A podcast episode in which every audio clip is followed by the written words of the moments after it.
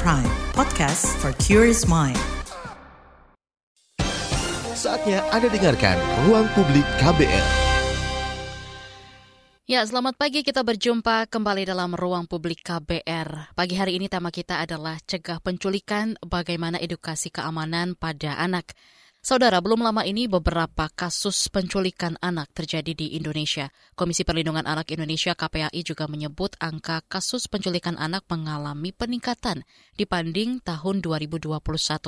Dan sampai akhir Desember 2022, KPAI juga menerima laporan 28 kasus penculikan anak meningkat dari tahun 2021, 15 kasus. Dan tak sedikit pula penculikan anak dilakukan pihak keluarga dan juga dibarengi dengan kekerasan sehingga perlu tindak pencegahan untuk menjaga keamanan anak sejak dini.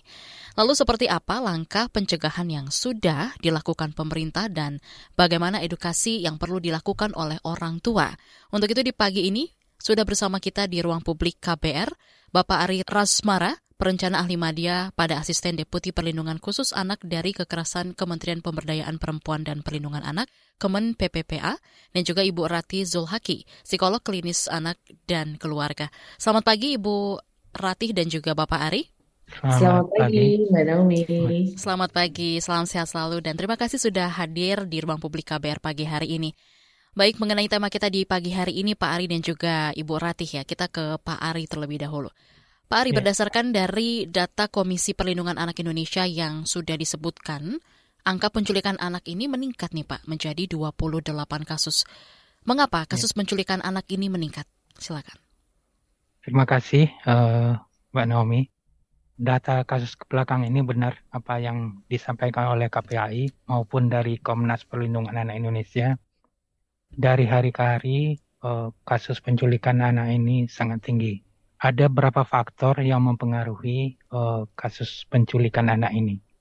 Di antaranya, salah satunya adalah uh, kita melihat sendiri keadaan ekonomi kita. Mm-hmm. Ini faktor ekonomi sangat menentukan sekali. Selanjutnya, pola pengasuhan anak. Terkadang ada mm-hmm. cara pengasuhan anak itu yang tidak semestinya dilakukan. Dan juga konflik keluarga ini salah satu pemicu kenapa uh, terjadinya penculikan-penculikan anak ini. Dan tidak lepas juga dari peranan dari uh, orang tuanya, lingkungan. Nah, yang ketiga faktornya adalah kejahatan. Ini kita bisa dilihat sendiri, motifnya penculikan anak ini sangat hmm. bervariasi sekali. Ya. Bisa jadi penculikan anak itu karena ada motif untuk dieksploitasi atau untuk perdagangan anak atau segala macamnya.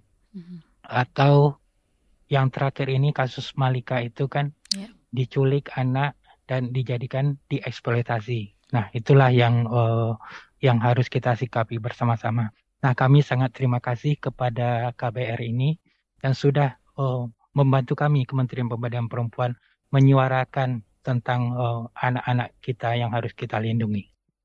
Baik, Pak Ari. Nah, sekarang kita ke Ibu Ratih ya. Ibu Rati, sejauh ini pada usia berapa anak-anak yang menjadi korban penculikan dan juga tindak kekerasan dan mengapa? Kalau dikatakan rate tertinggi ya, usia berapa sih uh, trennya penculikan anak memang banyak terjadi di usia di bawah 10 tahun. Nah, kenapa di bawah 10 tahun? Kalau dari beberapa kasus yang masuk mungkin dari KPAI, terus kemudian Mungkin saya belum update data terbaru uh, akhir tahun 2022 ya.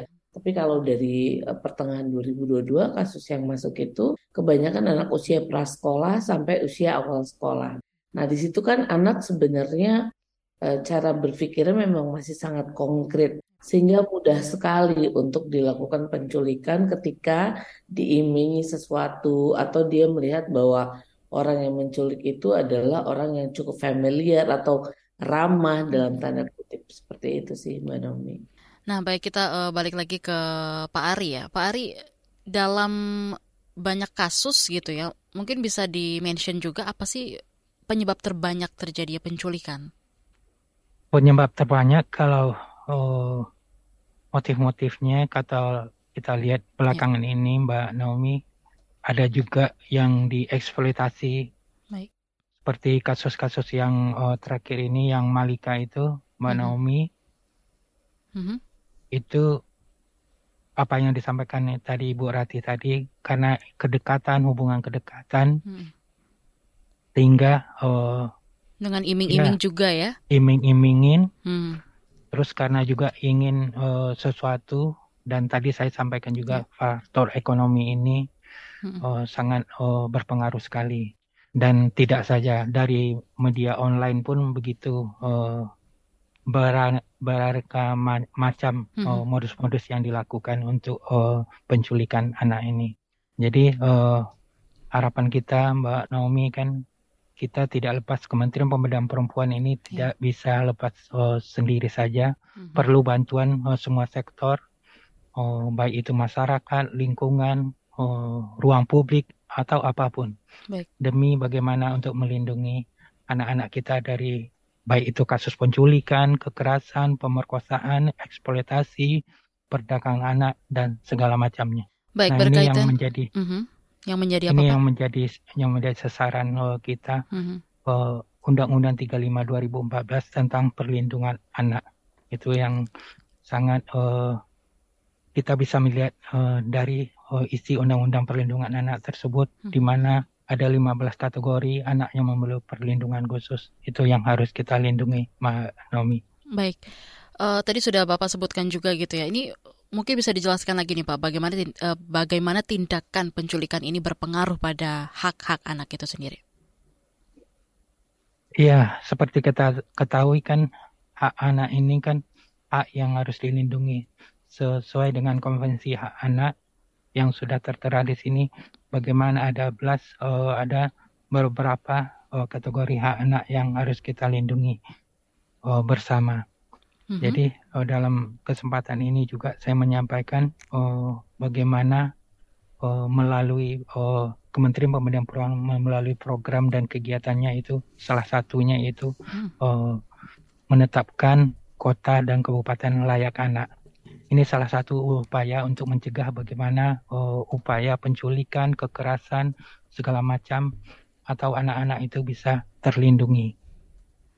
Oke, baik. Baik, kita ke Ibu Ratih lagi ya. Bu Ratih, em, seperti tadi yang sudah Pak Ari bicarakan gitu ya soal hak anak yang dilanggar dan juga eh, tadi sempat disampaikan soal kota layak anak. Nah, berkaitan dengan itu seperti apa nih Bu? Tindakan penculikan dan juga kekerasan bisa mempengaruhi kondisi psikologis anak. Nah, penculikan dan kekerasan sendiri memang biasanya akan menjadi pengalaman traumatis bagi anak.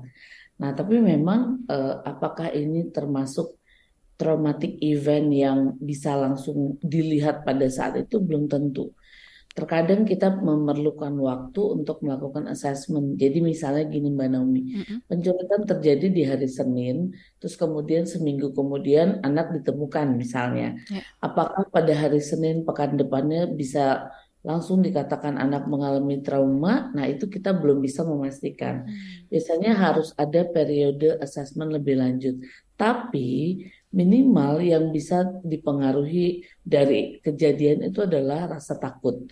Hmm. Rasa takut anak berlebihan, terlebih kalau pada saat penculikan terjadi, anak diberikan tindakan kekerasan, entah melalui verbal, fisik, Hmm. atau misalnya kekerasan seksual sendiri gitu. Mhm. Tapi kalau misalnya nih penculikannya terjadi eh, karena ada penculikan itu terjadi oleh orang tuanya sendiri. Jadi Hmm. waktu itu ada kasus orang tua bercerai, kemudian ayah menculik anaknya di sekolah. Menculik karena tidak ada koordinasi dan lain sebagainya. Ya. Di situ ibunya sampai lapor ke polisi, terus kondisi jadi mencekam karena nggak tahu nih anak ini ke mana gitu ya. Tiba-tiba ternyata dibawa ayahnya ke luar negeri.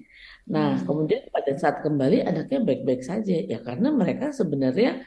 taking trip Mm-mm. gitu. Nah, seperti itu. jadi memang harus ada assessment lebih lanjut dan eh, apa biasanya assessment itu berlangsung antara satu hingga tiga bulan setelah penculikan itu terjadi untuk mengetek eh, mengetes atau Mm-mm. melihat apakah ada efek trauma terhadap diri anak gitu. Selain trauma fisik ya, kalau Ya. trauma fisik pasti bisa langsung terlihat dari misalnya ada luka atau memar dan lain sebagainya.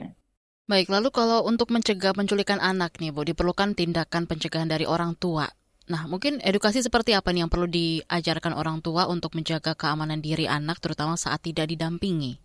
Oke, nah ini masuk ke dalam seks edukasi sebenarnya, karena saya melihat orang tua saat ini menganggap seks edukasi dan relasi itu hanya terkait dengan menjaga anggota tubuh. Padahal sebenarnya di balik itu seks edukasi dan relasi diberikan kepada anak bukan hanya untuk melindungi minimal empat area yang tidak boleh disentuh oleh orang lain dan tidak boleh dilihat oleh orang lain gitu ya, mm-hmm. seperti mulut, dada, kemudian alat kelamin dan bokong. Kemudian bagaimana anak ini juga berrelasi terhadap orang lain. Kalau zaman ya satu dekade terakhir lah ya, ya orang tua berkata bahwa jangan sembarangan kalau ketemu stranger atau orang asing mm-hmm. atau jangan sembarangan mau terima permen atau makanan dari orang asing. Padahal sekarang penculikan bukan hanya orang asing. Yeah. Tadi seperti orang terdekat juga ya, Bu. Katakan, mm-hmm. betul. Artinya anak perlu diberikan pemahaman bahwa kalau pagi yang akan menjemput adalah ibu, pastikan hanya ibu yang menjemput. Mm-hmm. Jadi sekarang banyak sekolah-sekolah misalnya iya. yang berlakukan kartu jemputan. Jadi kalau hmm. yang tidak bawa kartu jemputan tidak, boleh. Hmm. Even itu adalah orang yang dikenal. Tapi edukasi kepada anak adalah memastikan, nak nanti ibu yang akan menjemput kamu. Entah itu di sekolah, entah pada saat bermain di rumah temannya misalnya seperti itu. Hmm. Jadi terus kemudian bagaimana dia memperlakukan orang asing.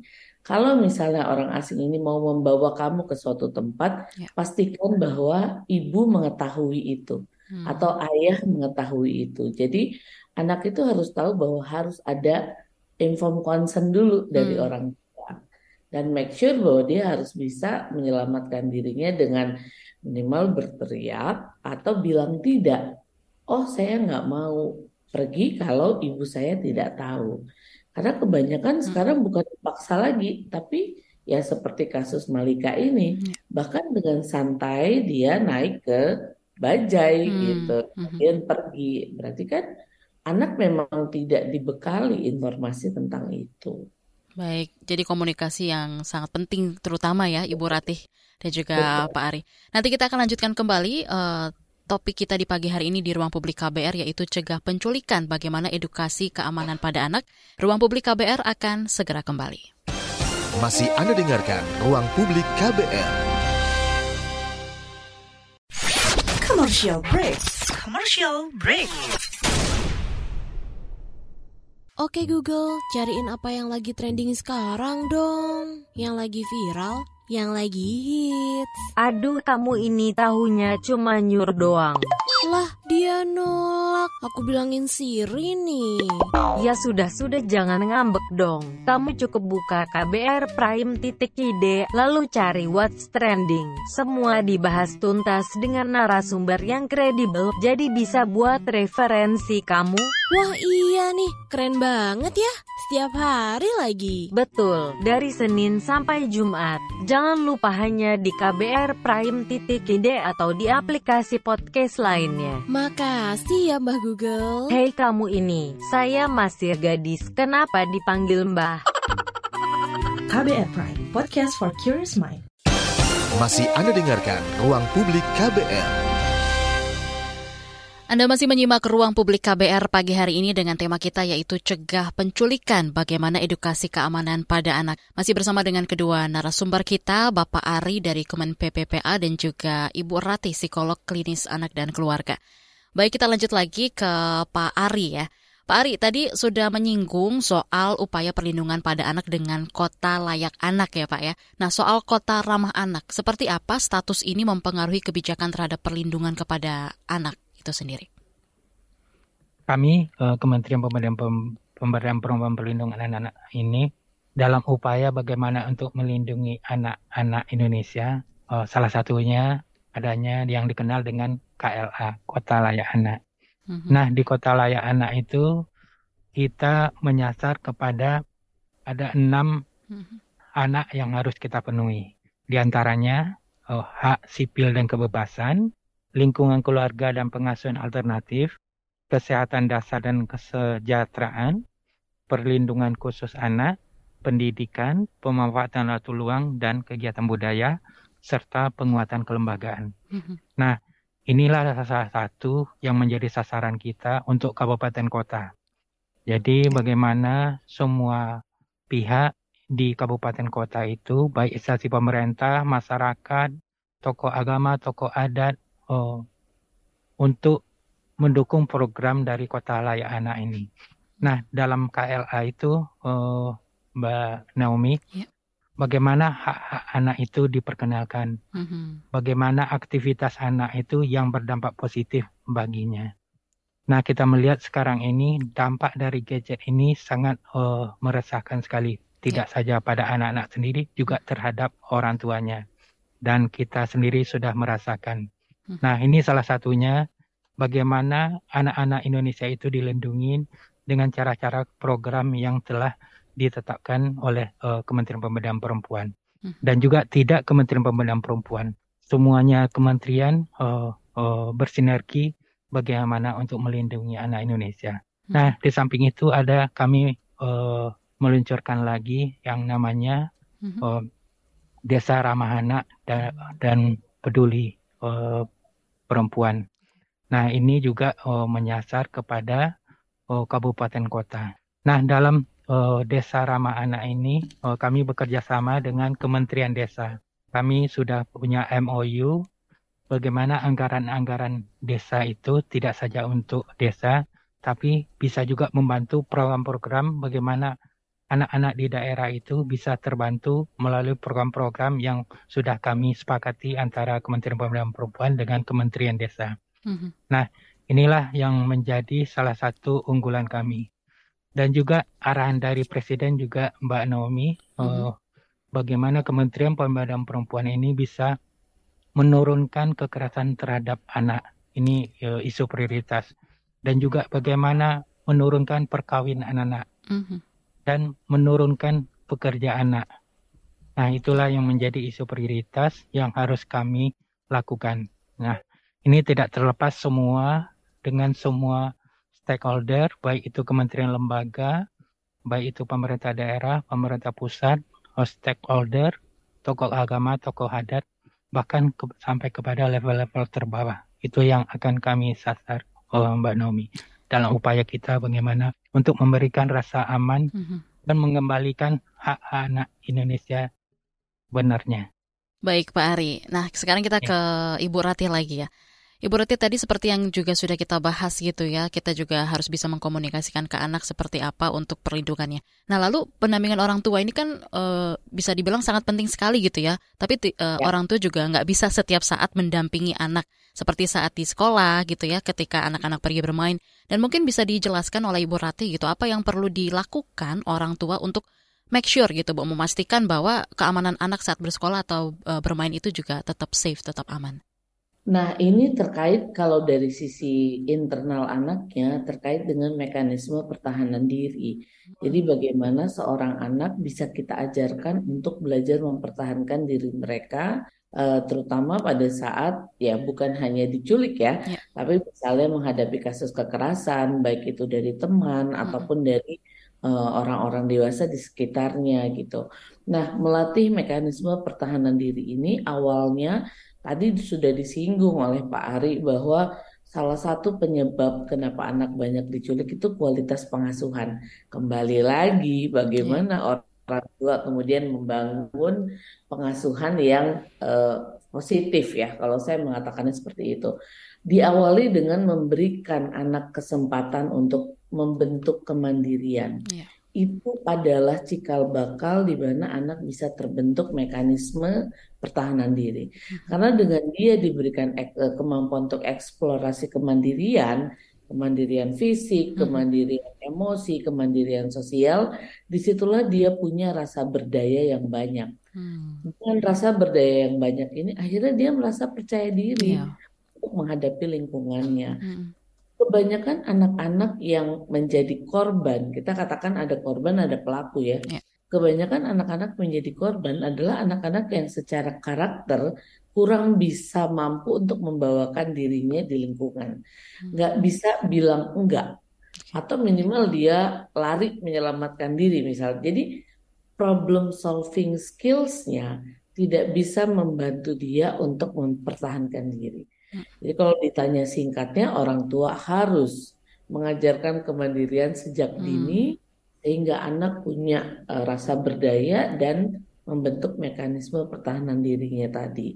Nah, kalau dari sisi eksternalnya, Mm-mm. mungkin orang tua perlu selalu harus berkoordinasi ya Ya. antara orang, misalnya kalau di sekolah ya dengan guru, Mm-mm. memastikan uh, seperti apa, misalnya ada sekolah itu kan ada drop zone. Mm-mm. Nah, apakah di drop zone itu anak-anak memang langsung di handover oleh guru atau anak-anak jalan sendiri ke gedung sekolah atau seperti apa? Nah, hal-hal itu yang perlu diantisipasi karena celah sedikit pun itu bisa menjadi potensi Mhm. untuk melakukan penculikan. Atau pada saat bermain, pastikan apakah bermainnya di lingkungan rumah atau di rumah temannya atau di lingkungan yang misalnya lapangan yang nggak ada orang dewasa. Mhm. Nah, minimal ada satu atau dua orang dewasa yang mengawasi. Jadi kalau bisa, kalau orang tua tidak bisa mengawasi, minimal ada kerjasama nih dengan orang tua lain. Mm-mm. Eh, anak saya mau main, Ya. Eh, sekarang giliran siapa nih yang bisa nemenin misalnya. Mm. Ini anak-anak kita mau main di lapangan, oke giliran orang tua si A yang nemenin. Nanti hari besoknya orang tua si B. Nah, itu balik lagi komunikasi dan koordinasi. Itu kalau dari sisi eksternalnya Mbak Naomi. Baik, jadi ada dari internal dan juga eksternal gitu ya. Jadi bukan hanya dari kita sendiri, mungkin dari lingkungan sekitar tempat anak kita beraktivitas ya, Ibu Ratih ya. Kita juga ikut libatkan. Nah, tadi juga sudah dibahas gitu juga kan eh, mengenai penculikan dan juga kasus kekerasan. Terutama ini kasus terbaru ya, eh, Ibu Ratih dan juga Pak Ari yang kita juga semua terkejut gitu dengan adanya kasus pembunuhan dengan tujuan menjual organ tubuh di Makassar, di mana terduga pelaku ini juga masih usianya anak. Nah, bagaimana dari Kemen PPPA sendiri menanggapi soal ini, Pak Ari? Terima kasih Mbak Naomi. Terkait dengan apa yang terjadi di Makassar itu, oh, itu seperti yang saya sampaikan tadi, ini tidak terlepas bagaimana pengelolaan eh, IT. Jadi eh, teknologi informasi sekarang ini kalau kita tidak eh, pintar-pintar menyaringnya, memfilternya, inilah dampaknya.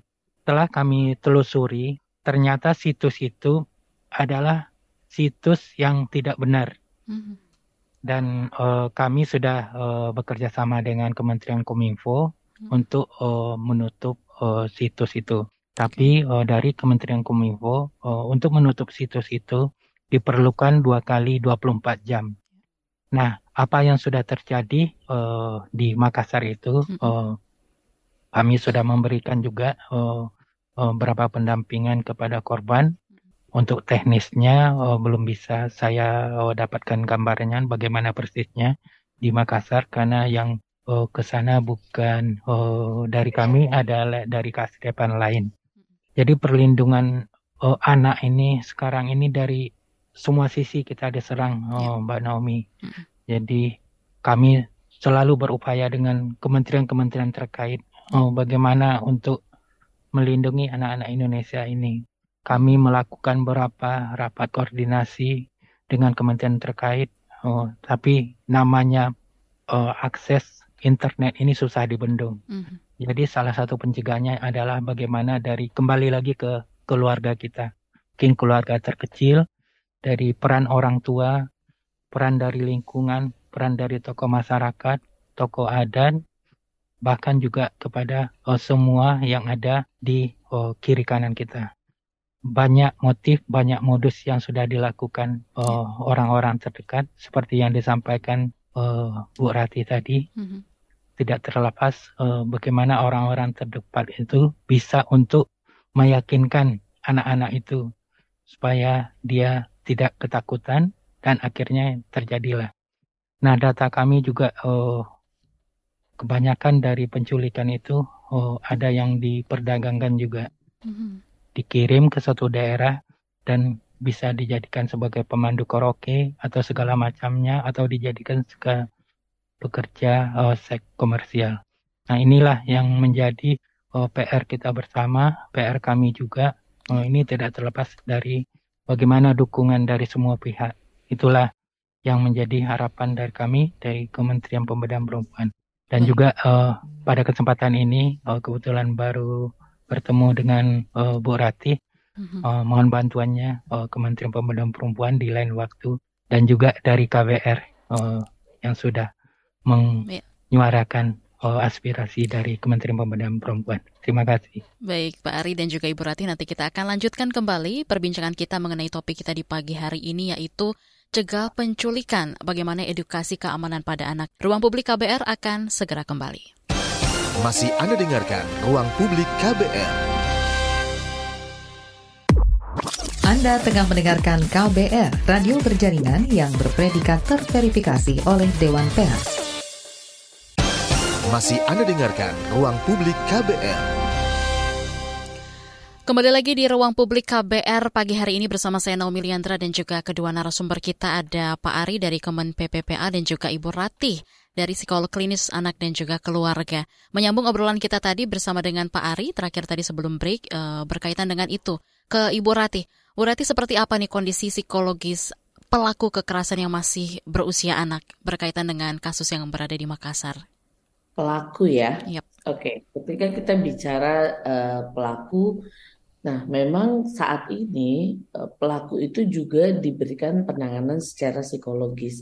Tapi kalau spesifik uh, kondisi pelaku yang ada di Makassar, tentu saya tidak tahu karena saya tidak melakukan assessment. Gitu. Jadi yang mengetahui adalah pasti tim yang melakukan assessment. Nah, tapi kalau diberikan gambaran secara general, pelaku ini pasti ada motifnya. Tergantung apakah dia adalah otak dari pelaku, dari kegiatan penculikan itu, aktivitas itu, atau sebenarnya dia hanya kurir dalam tanda kutip orang yang kemudian uh, disuruh seperti itu.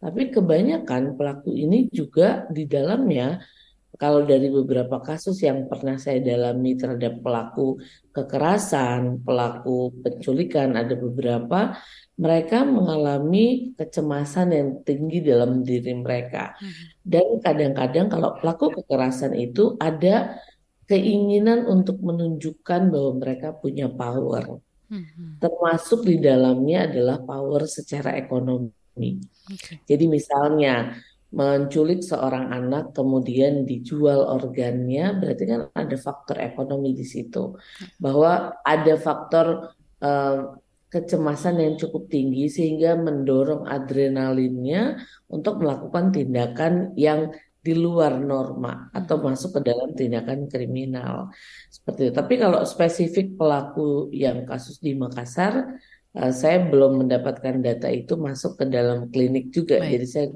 tidak bisa memberikan informasi lebih banyak tentang itu. Baik, Ibu Rati dan juga Pak Ari, kita sekarang lanjut uh, akan membacakan beberapa komentar-komentar ataupun juga pertanyaan yang sudah masuk di channel YouTube KBR atau juga WhatsApp di 0812 118 8181. Dari YouTube dulu kita akan baca satu persatu dari Bimo di Tangerang Selatan. Ingin bertanya untuk Pak Ari, bagaimana langkah preventif terbaik yang bisa dilakukan dari sisi orang tua untuk bisa mengurangi risiko penculikan anak? Terima kasih, Pak Naomi.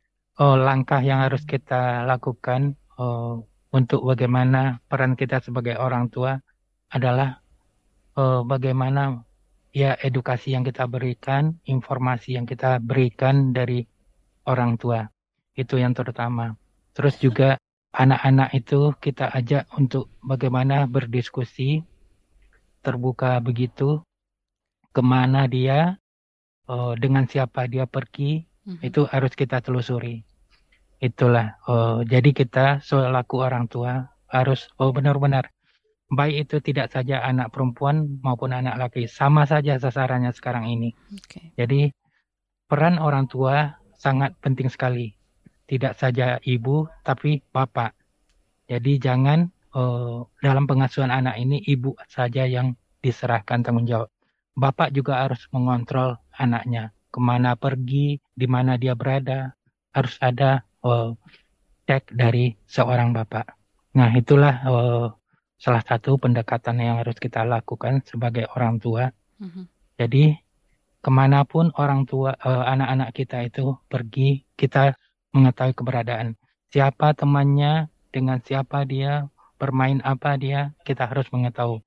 Nah, itulah yang salah satu upaya yang uh, kita lakukan untuk mengantisipasi terjadinya hal yang tidak kita inginkan untuk melindungi anak-anak kita. Baik. Baik, kita lanjut lagi baca yang sudah masuk di komentar YouTube ada keluarga Kiana dan Ginan Vlog. Halo Ibu Ratih, bagaimana cara penyampaian kepada anak-anak yang memang masih sangat kecil, misal balita? Dan apakah ada sosialisasi untuk edukasinya di masyarakat? Silakan Ibu Ratih. Baik, untuk anak-anak balita, kita pasti paham bahwa mereka masih sangat konkret dalam berpikir. Artinya tidak bisa hanya melalui omongan, kadang-kadang lupa, yeah. gitu kan? Perlu dikasih tahu pagi, hmm. nanti siang lupa, kemudian harus diinformasikan lagi.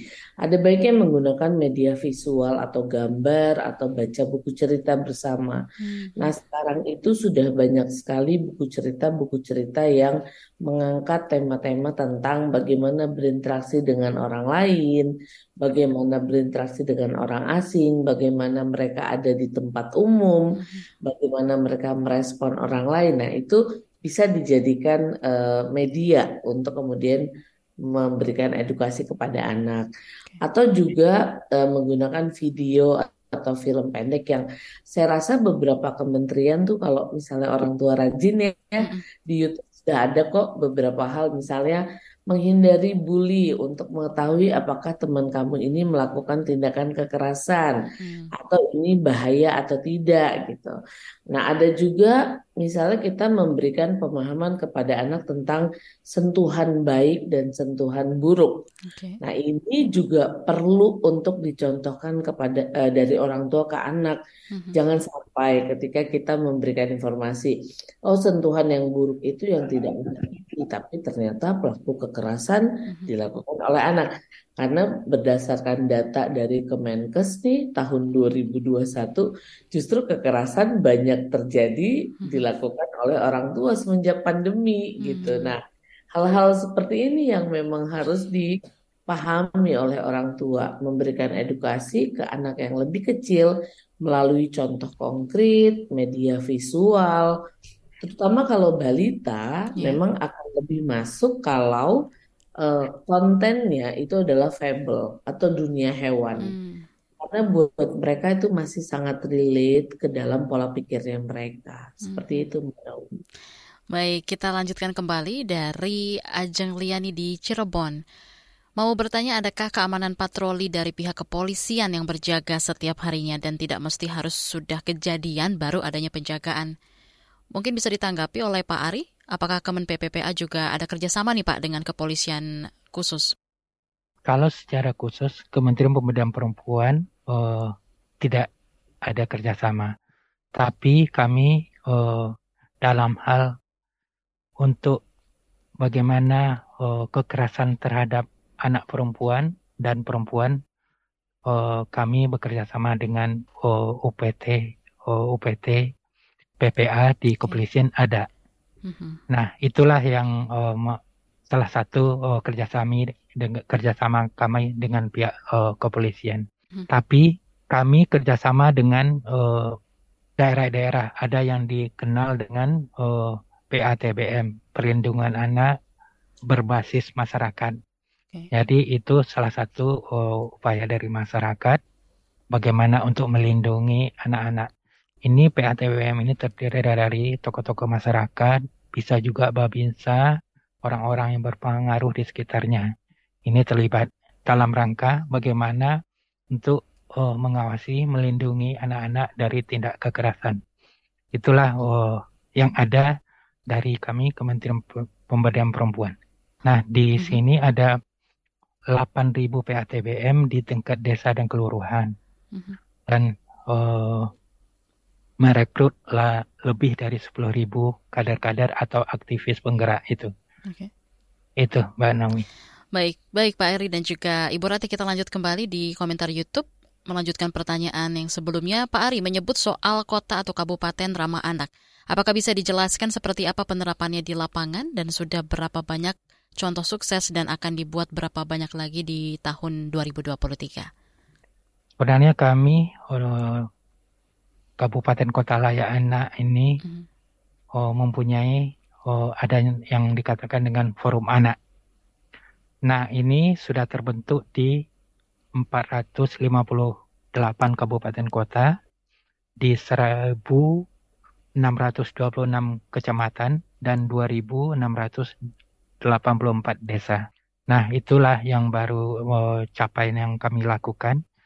Nah, untuk Kabupaten Kota Layak Anak ini tahun 2023 kami ingin uh, target itu uh, meningkat lagi.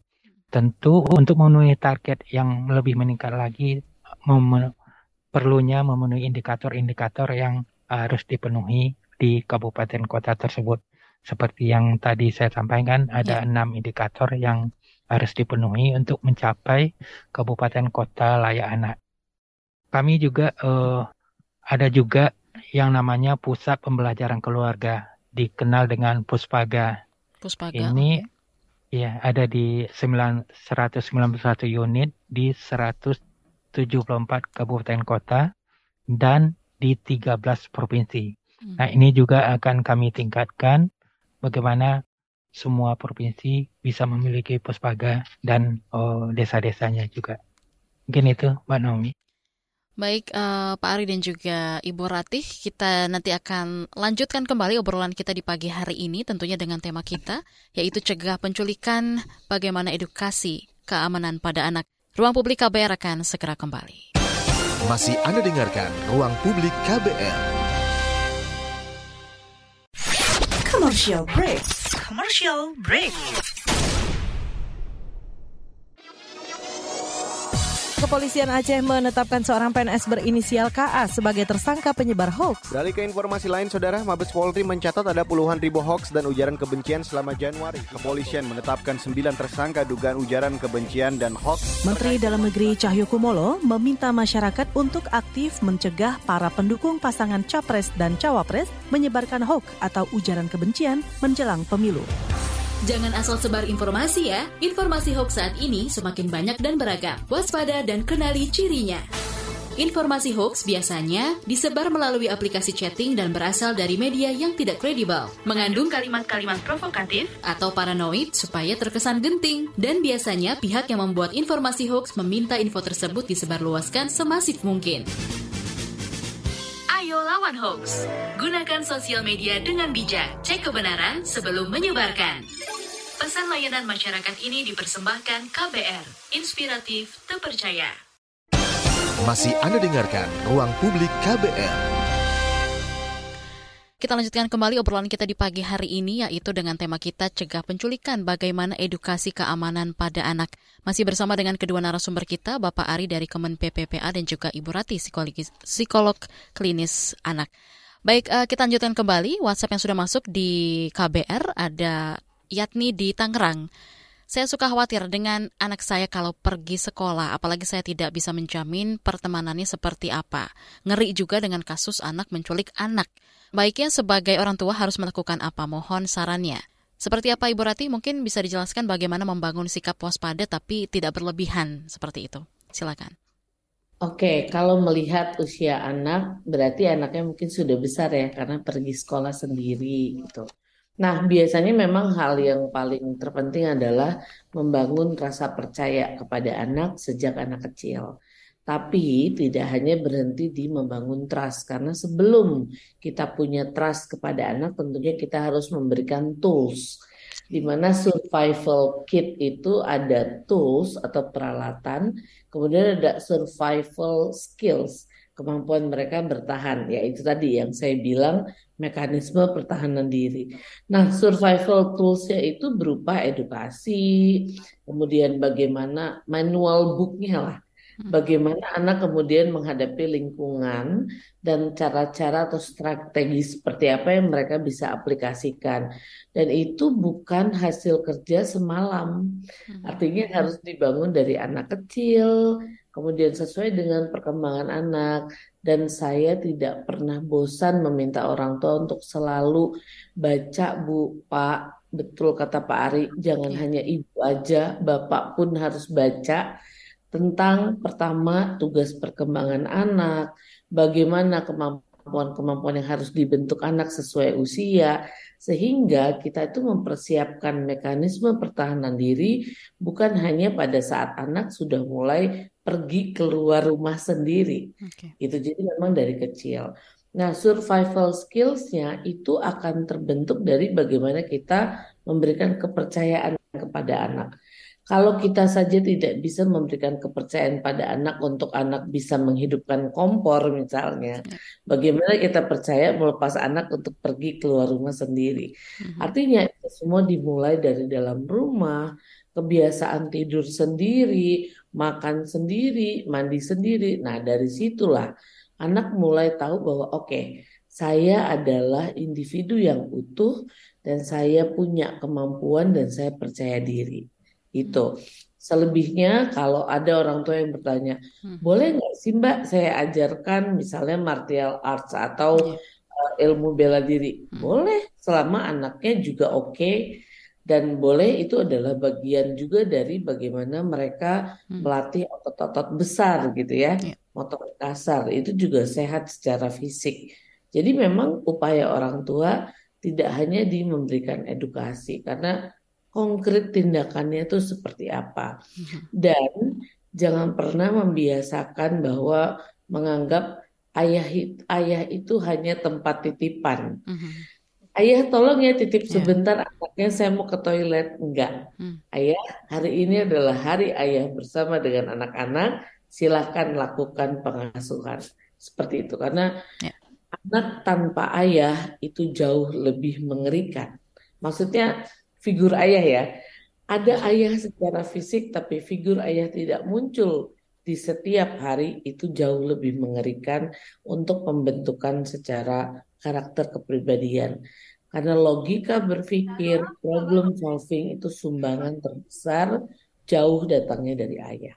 Baik Ibu Rati, terima kasih penjelasannya. Kita akan baca lagi satu pesan WhatsApp yang masuk dari Hadi di Jakarta Timur.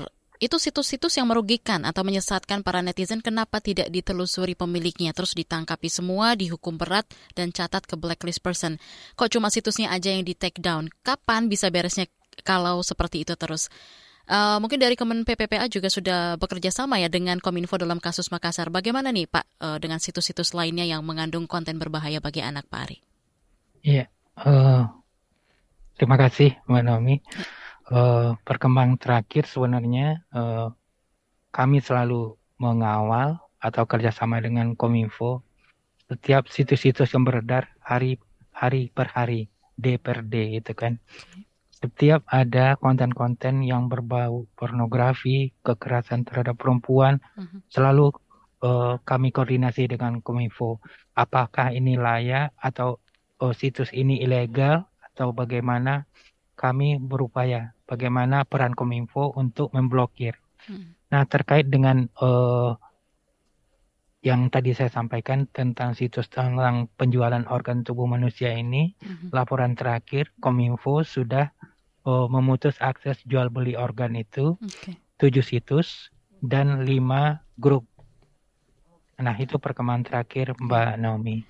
Jadi uh, berbicara mengenai apa yang keinginan dari uh, yang menanya tadi yeah. Ya. uh, di dunia maya ini tentu ada keterbatasan juga uh, mm-hmm. bagaimana kominfo untuk untuk men take down atau memblokir situs. Hmm. Tapi ada alat-alat yang lebih canggih lagi, situs-situs uh, yang berbau konten-konten uh, pornografi atau mm-hmm. konten-konten meracuni anak-anak kita bisa dibuka juga. Nah, hmm. ini kembali lagi kepada kita masing-masing kita di keluarga. Jadi bagaimana untuk memfilter keluarga kita, anak-anak kita. Baik. Karena kan uh, kalau dari Kementerian Kominfo ada keterbatasan. Nah, perkembangan dari teknologi ini uh, tidak bisa kita batasi. Itu yang dapat uh, saya sampaikan dan itu juga dari Kominfo mm-hmm. penjelasannya seperti itu. Baik, uh, Pak Ari, ini terkait posko aduan, Pak, ke mana nih masyarakat bisa mengadukan kasus kekerasan pada anak uh, atau mungkin ada hotline gitu yang bisa dihubungi? Iya. Nah, uh, untuk posko pengaduan uh, dari masyarakat. Mhm. Di samping ada sahabat perempuan dan anak, Sa- Sapa 129. Oke. Hot- Hotline-nya itu ya Mbak, sahabat perempuan dan anak atau dikenal dengan Sapa 129 Mhm. atau WhatsApp 08 Mhm. 11 Ya. 4 kali 29 129 08 satunya empat kali. 4 kali 29 Mhm. 129 Baik. Jadi eh, ada hotline yang bisa dihubungi ya di Ya, Sapa ada 129 atau WhatsApp ya Pak ya? Ya, di WhatsApp, 08 11 11 29 129. 9 Seperti itu. Baik, Ya. eh, ini eh, pertanyaan terakhir untuk Ibu Ratih. Baik Ibu Ratih, eh, anak-anak yang mengalami tindak kekerasan terkadang takut pastinya untuk melapor gitu ya Bu. Ya mungkin eh, apa yang bisa orang tua dan lingkungan sekitar lakukan supaya agar anak-anak ini tidak merasa takut. Silakan Ibu. Baik, membiasakan untuk selalu menggunakan teknik bercerita dan ngobrol santai. Tidak hanya tentang eh, ketika sudah ada kejadian. Jadi, maaf, orang tua perlu membiasakan memiliki waktu setiap hari. Bukan hanya bertanya tadi di sekolah ngapain, ada PR aja, eh, ada PR atau enggak, tapi galilah hari ini perasaan kamu gimana? Teman-teman kamu seperti apa? Atau hari ini kamu e, bermainnya dengan siapa? Itu adalah cikal bakal anak berani untuk kemudian bercerita. Kemudian orang tua dan orang dewasa perlu belajar untuk mendengar secara aktif. Artinya mendengar bukan hanya untuk menjawab tapi mendengar untuk memahami. Terima dulu ceritanya anak, senegatif apa pun, terima dulu sampai mereka selesai bercerita, kemudian baru kita berikan komentar atau kita arahkan ketika mereka membutuhkan bantuan. Jadi jangan misalnya anaknya baru cerita sedikit udah langsung dipotong. Kok kamu gitu sih perilakunya? Yakin deh besoknya anaknya nggak mau cerita lagi. Jadi orang tua perlu menjadi pendengar yang baik dengan cara itu belajar menahan diri ketika anak bercerita apa pun. Baik. Seperti itu. Kalau Baik. dari guru mungkin ya rajin-rajin untuk selalu eh, berdiskusi dengan siswa bukan hanya tentang pelajaran. Baik. Baik, terima kasih banyak Ibu Ratih Zulhaki, psikolog klinis anak dan juga keluarga bersama dengan eh, Pak Ari Rasmara, perencana Ya. ahli media pada Asisten Deputi Perlindungan Khusus Anak dari Kekerasan Kemen PPPA. Terima kasih untuk kehadirannya di ruang publik KBR pada pagi hari ini dengan tema Ya. kita yaitu cegah penculikan, bagaimana edukasi keamanan pada anak. Saya Naomi Liandra pamit, jangan lupa besok di ruang publik KBR juga masih ada tema yang kita bahas adalah tantangan pemenuhan gizi baik anak dan remaja. Jadwalnya juga sama dari jam 9 sampai jam 10 pagi. Terima kasih sekali lagi juga untuk Anda pendengar yang sudah menyimak ruang publik KBR pagi hari ini. Saya Naomi Liandra pamit, terima kasih dan sampai jumpa. Baru saja Anda dengarkan Ruang Publik KBR. KBR Prime, cara asik mendengar berita. KBR Prime, podcast for curious mind.